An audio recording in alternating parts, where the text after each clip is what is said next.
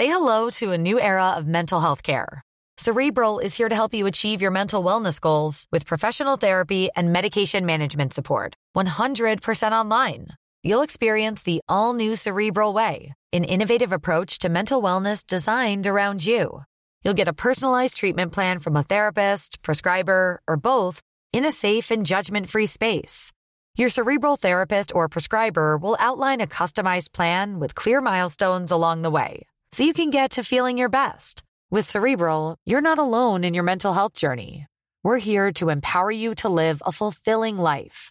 So take that first step towards a brighter future and sign up today at cerebral.com slash podcast and use code ACasts to get 15% off your first month. Offer only valid on monthly plans. Other exclusions may apply. Offer ends July 31st, 2024. See site for details. When you're ready to pop the question, the last thing you want to do is second guess the ring. At Bluenile.com, you can design a one of a kind ring with the ease and convenience of shopping online. Choose your diamond and setting. When you find the one, you'll get it delivered right to your door. Go to Bluenile.com and use promo code LISTEN to get $50 off your purchase of $500 or more. That's code LISTEN at Bluenile.com for $50 off your purchase. Bluenile.com code LISTEN. Det er vel egentlig bare én ting vi virkelig kan vite er i livet, og det er at vi skal dø en gang. Så kan du lure på hvorfor snakker vi om det i en språkpodkast? Vel, det er fordi at vi vet at vi skal dø, men blir det skrevet en nekrolog over oss? Et minneord, noe som skal stå etter oss? Det skal vi snakke om i dag i Språktalk.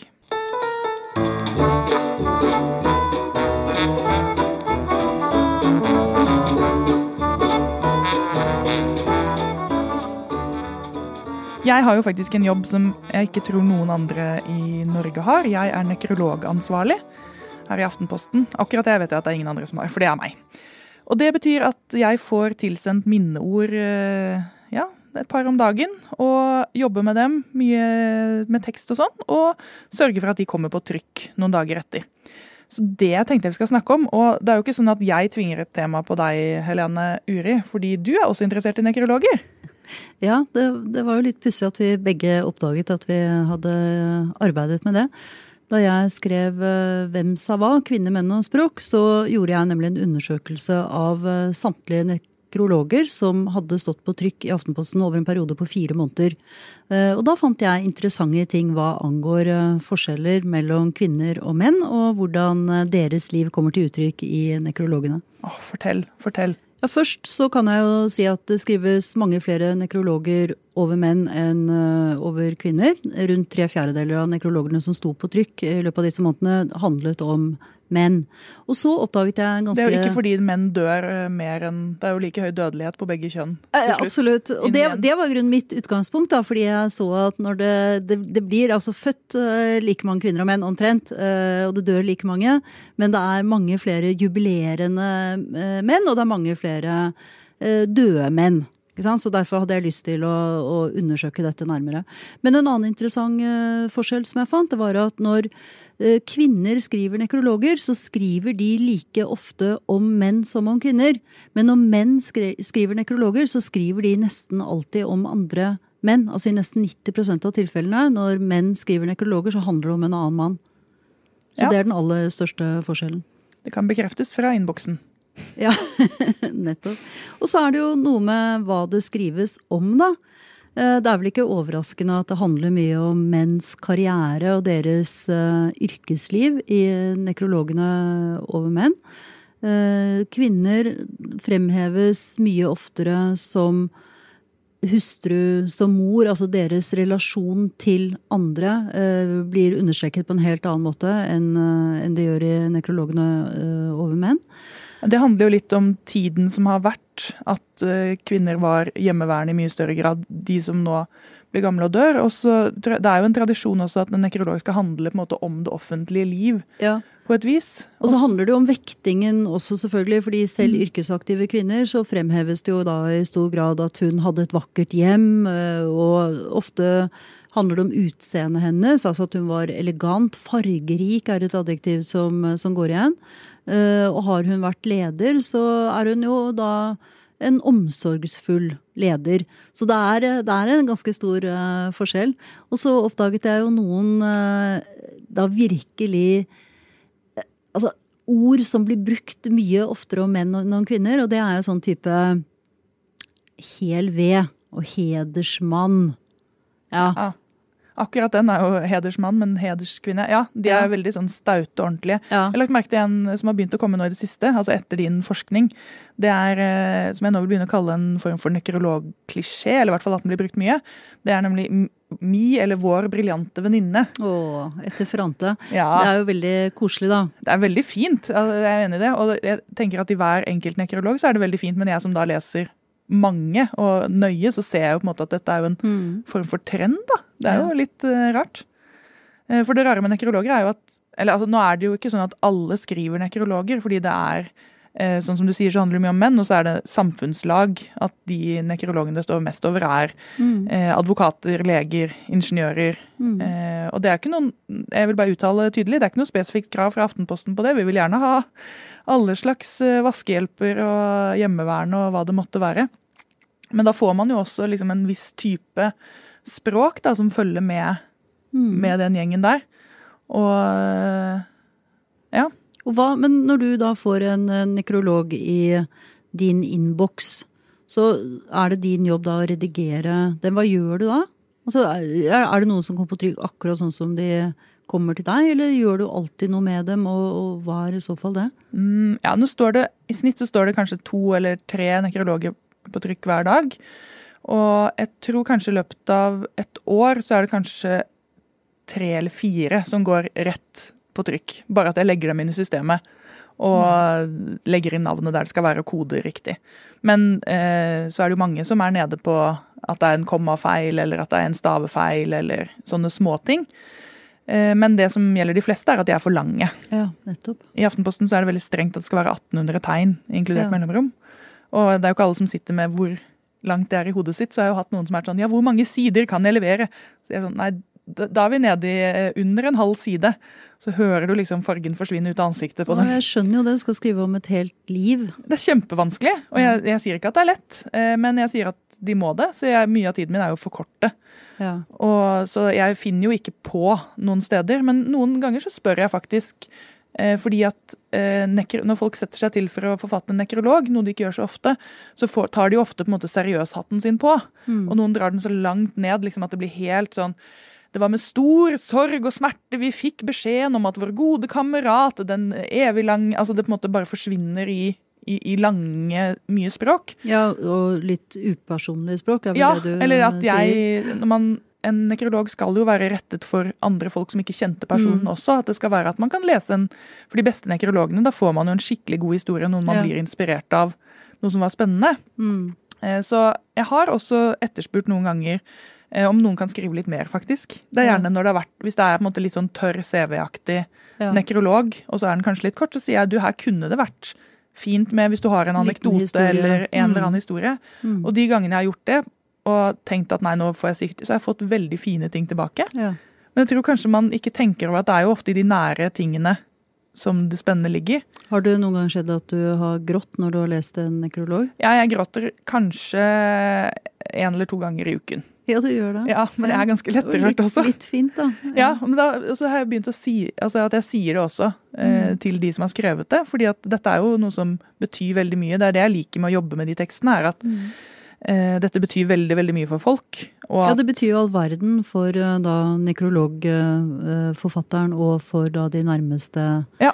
etterlatte. Det gjør jo det. og da, men da blir det jo også mye føl Og språk er jo følelser i utgangspunktet. Mm. Og selv om jeg ikke finner opp historier, så når jeg, når jeg gjør forkortelser, så bryter jeg jo på en måte ganske godt inn i hva de har lyst til å si om. Og de har kanskje sittet sammen fem stykker for å finne ut akkurat hva de skal si. Eh, og da kan det jo fort bli sterke følelser, så jeg er jo blitt skjelt ut eh, en gang eller eh, ti, for å si det sånn. Ja, fordi du har forkortet at de Ja, syns du har skåret grunner. for brutalt i teksten deres. Ja, Og så har jo folk litt ulik tekstfølelse og hvordan man Det er jo Språk er veldig viktig, da, og jeg bryter jo på en måte inn i noe som er veldig intimt, samtidig som det er veldig offentlig, for de skal på trykk i Aftenposten. Og dette er jo helt sikkert en tekstbit av Aftenposten som blir klippet ut og oppbevart. Det Ja. ligger sikkert eh, mange, mange nekrologer rundt omkring i skatollskuffer og i nattbordsskuffer rundt omkring i norske hjem. Ja, jeg har jo mine egne. Og i tillegg til disse liksom, personlige opplevelsene, så vet vi at det er mange lesere som slår opp først på nekrolog- og dødsfallsidene. Mm. Jeg vet ikke om det er noe som skjer med alder, eller om det bare er noen av oss som er, er sånn eh, formulert. Men det er jo fordi at i nekrologene så finner du på en måte historiefortelling. Mm. Og den på en måte, det skal jo egentlig speile litt. Hva er, hva er det vi legger vekt på her i samfunnet? Hvilke folk er det som vi liker? Eh, så det er Jeg vil jo bare oppfordre, hvis det sitter noen der ute eh, vi, vi, har jo ikke en sånn aktiv politikk at vi går ut og dreper folk for å få nekrologer. Så derfor så må vi liksom holde oss på den at hvis du en gang skulle være i en situasjon da, hvor du kjenner noen Veldig ofte så tenker man at det ikke er viktig nok, eller at nei, men jeg har ikke gode nok historier, eller det er ikke langt nok. Men send inn til nekrologer krøllalfa.aftenposten.no, eller eventuelt så kan man spørre eh, om det har kommet noen andre. Fordi jeg syns at det er synd at det er en overvekt av advokater og leger og ingeniører. Og menn, da. Og menn, ja. Mm. Eh, så fortsett å sende inn på alle dem, men jeg håper at alle dere som er kvinner eller har innvandrerbakgrunn eller jobber som vaskehjelp, send inn.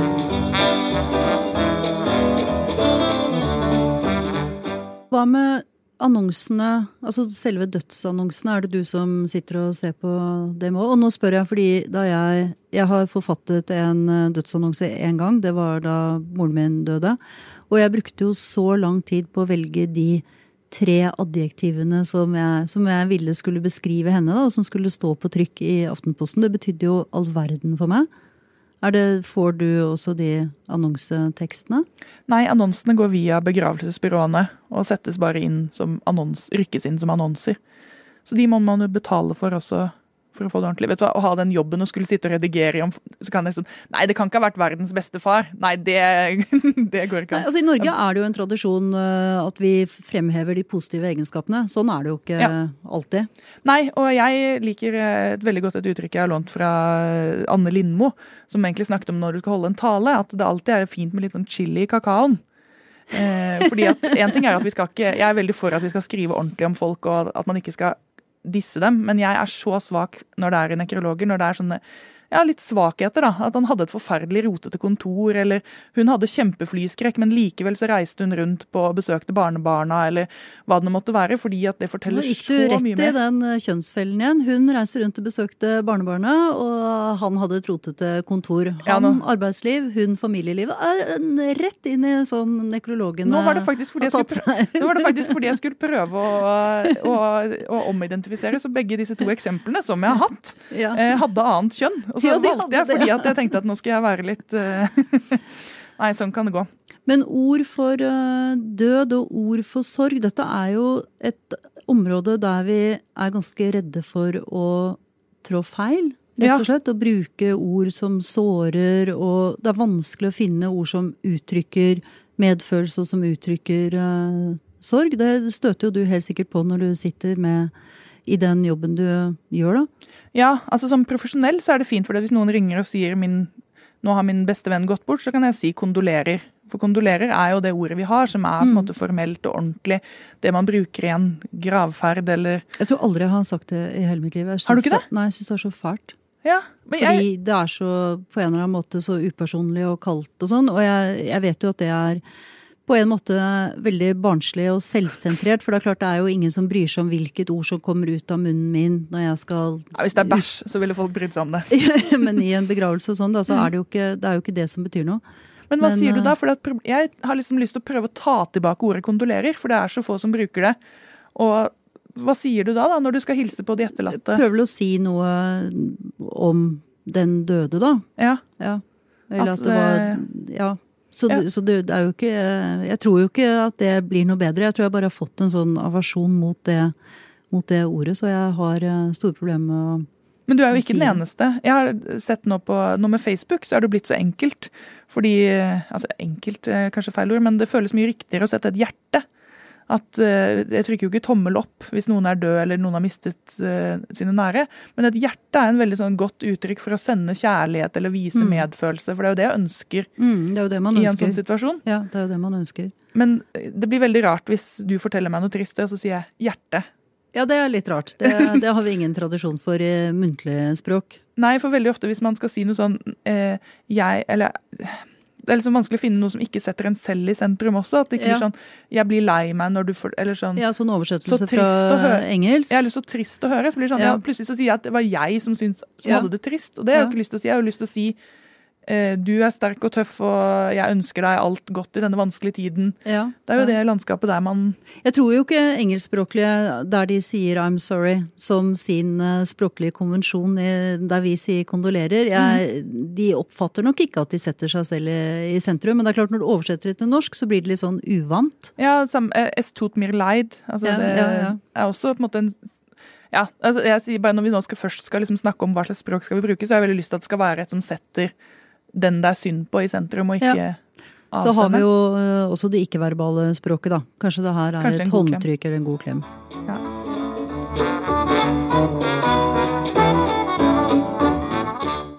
Ikke bare er det vanskelig å snakke til folk eh, som er i sorg og som står oppe i døden, det er jo også noe med hvordan vi snakker om det å dø. Eh, det er det som kalles eufemisme. Eh, eufemisme er et sånt fint ord for egentlig fine ord. Ja, eller en formildende omskrivning. At du ikke vil si det egentlige ordet, og så prøver vi å skrive det om. Ja, Ja. og det er jo gjerne når det er vanskelige ting, og døden er jo en av de som det er mest eufemismer om. At man går bort eller sovner stille inn. En av mine favoritteufemismer er 'forfremmet til herligheten'. Ja, da er vi eh, Frelsesarmeen. Ja. Men det er veldig fint. Og, men problemet med eufemismer er jo ofte det kan bli litt sånn vagt. Så det er jo den klassiske 'Doffen er daua', Ja. hvor hun moren prøver å si det. Og så er det jo ikke alle som passer kanskje i eh, nekrologer og på trykk. Altså sånn legge på røret og ta reperen og sånn. Det, det er veldig få som uh... Nei, de skal man helst holde seg unna. Men noen som jeg er veldig svak for, eller da blir jeg alltid rørt, det er hvis det er en nekrolog eksempel om en eh, jeger, da. Så er det sånn, ja, nå har han lagt ut på sin siste tur, eller hvis det var en, Mm. en som ror, så er det sånn, han har tatt sitt siste åretak. Det, det er jeg veldig svak for akkurat den, for da kan man liksom se det for seg, og hvordan han legger ned. Det er jo eh, kanskje litt smakløst å snakke om moteuttrykk eh, i eh, nekrologer, men den gikk ut av tiden. Den brukes jo ganske ofte nå, og den var vel ikke så vanlig for noen år siden, kanskje? Jeg vet ikke, den har, det går litt sånn opp og ned med de. Jeg synes gikk ut av tiden. Ja, den er For det syns jeg er ganske altså. ganske vakkert. Ja, har gått ut av tiden.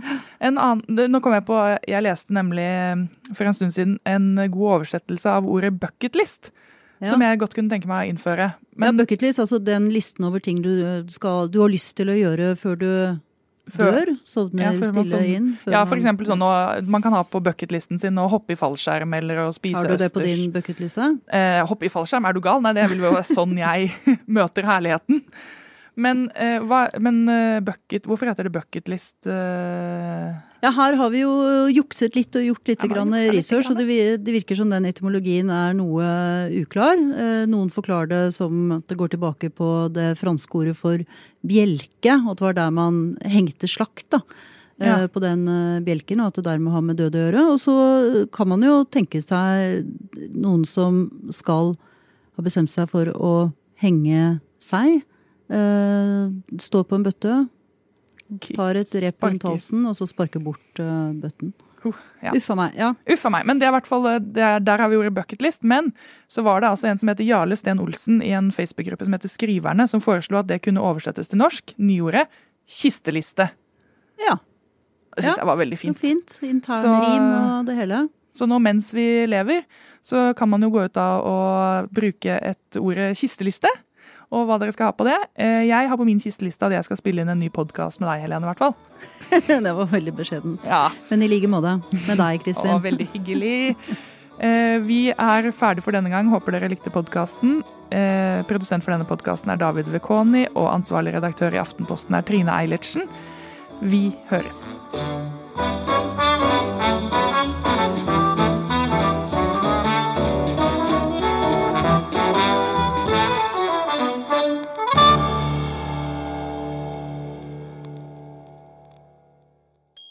Har du litt for ofte en følelse av at du ikke rekker å få med deg mer enn overskriftene på de store nyhetssakene? Norge blir satt på en stor prøve. Og flyktninger og migranter strømmet mot Jeg heter Andreas Bakkefoss og er programleder i Aftenpostens nyhetspodkast Forklart. Vi gir deg innsiktene du trenger for å forstå nyhetene litt bedre, på bare ett kvarter. Forklart slipper nye episoder hver morgen i ukedagene.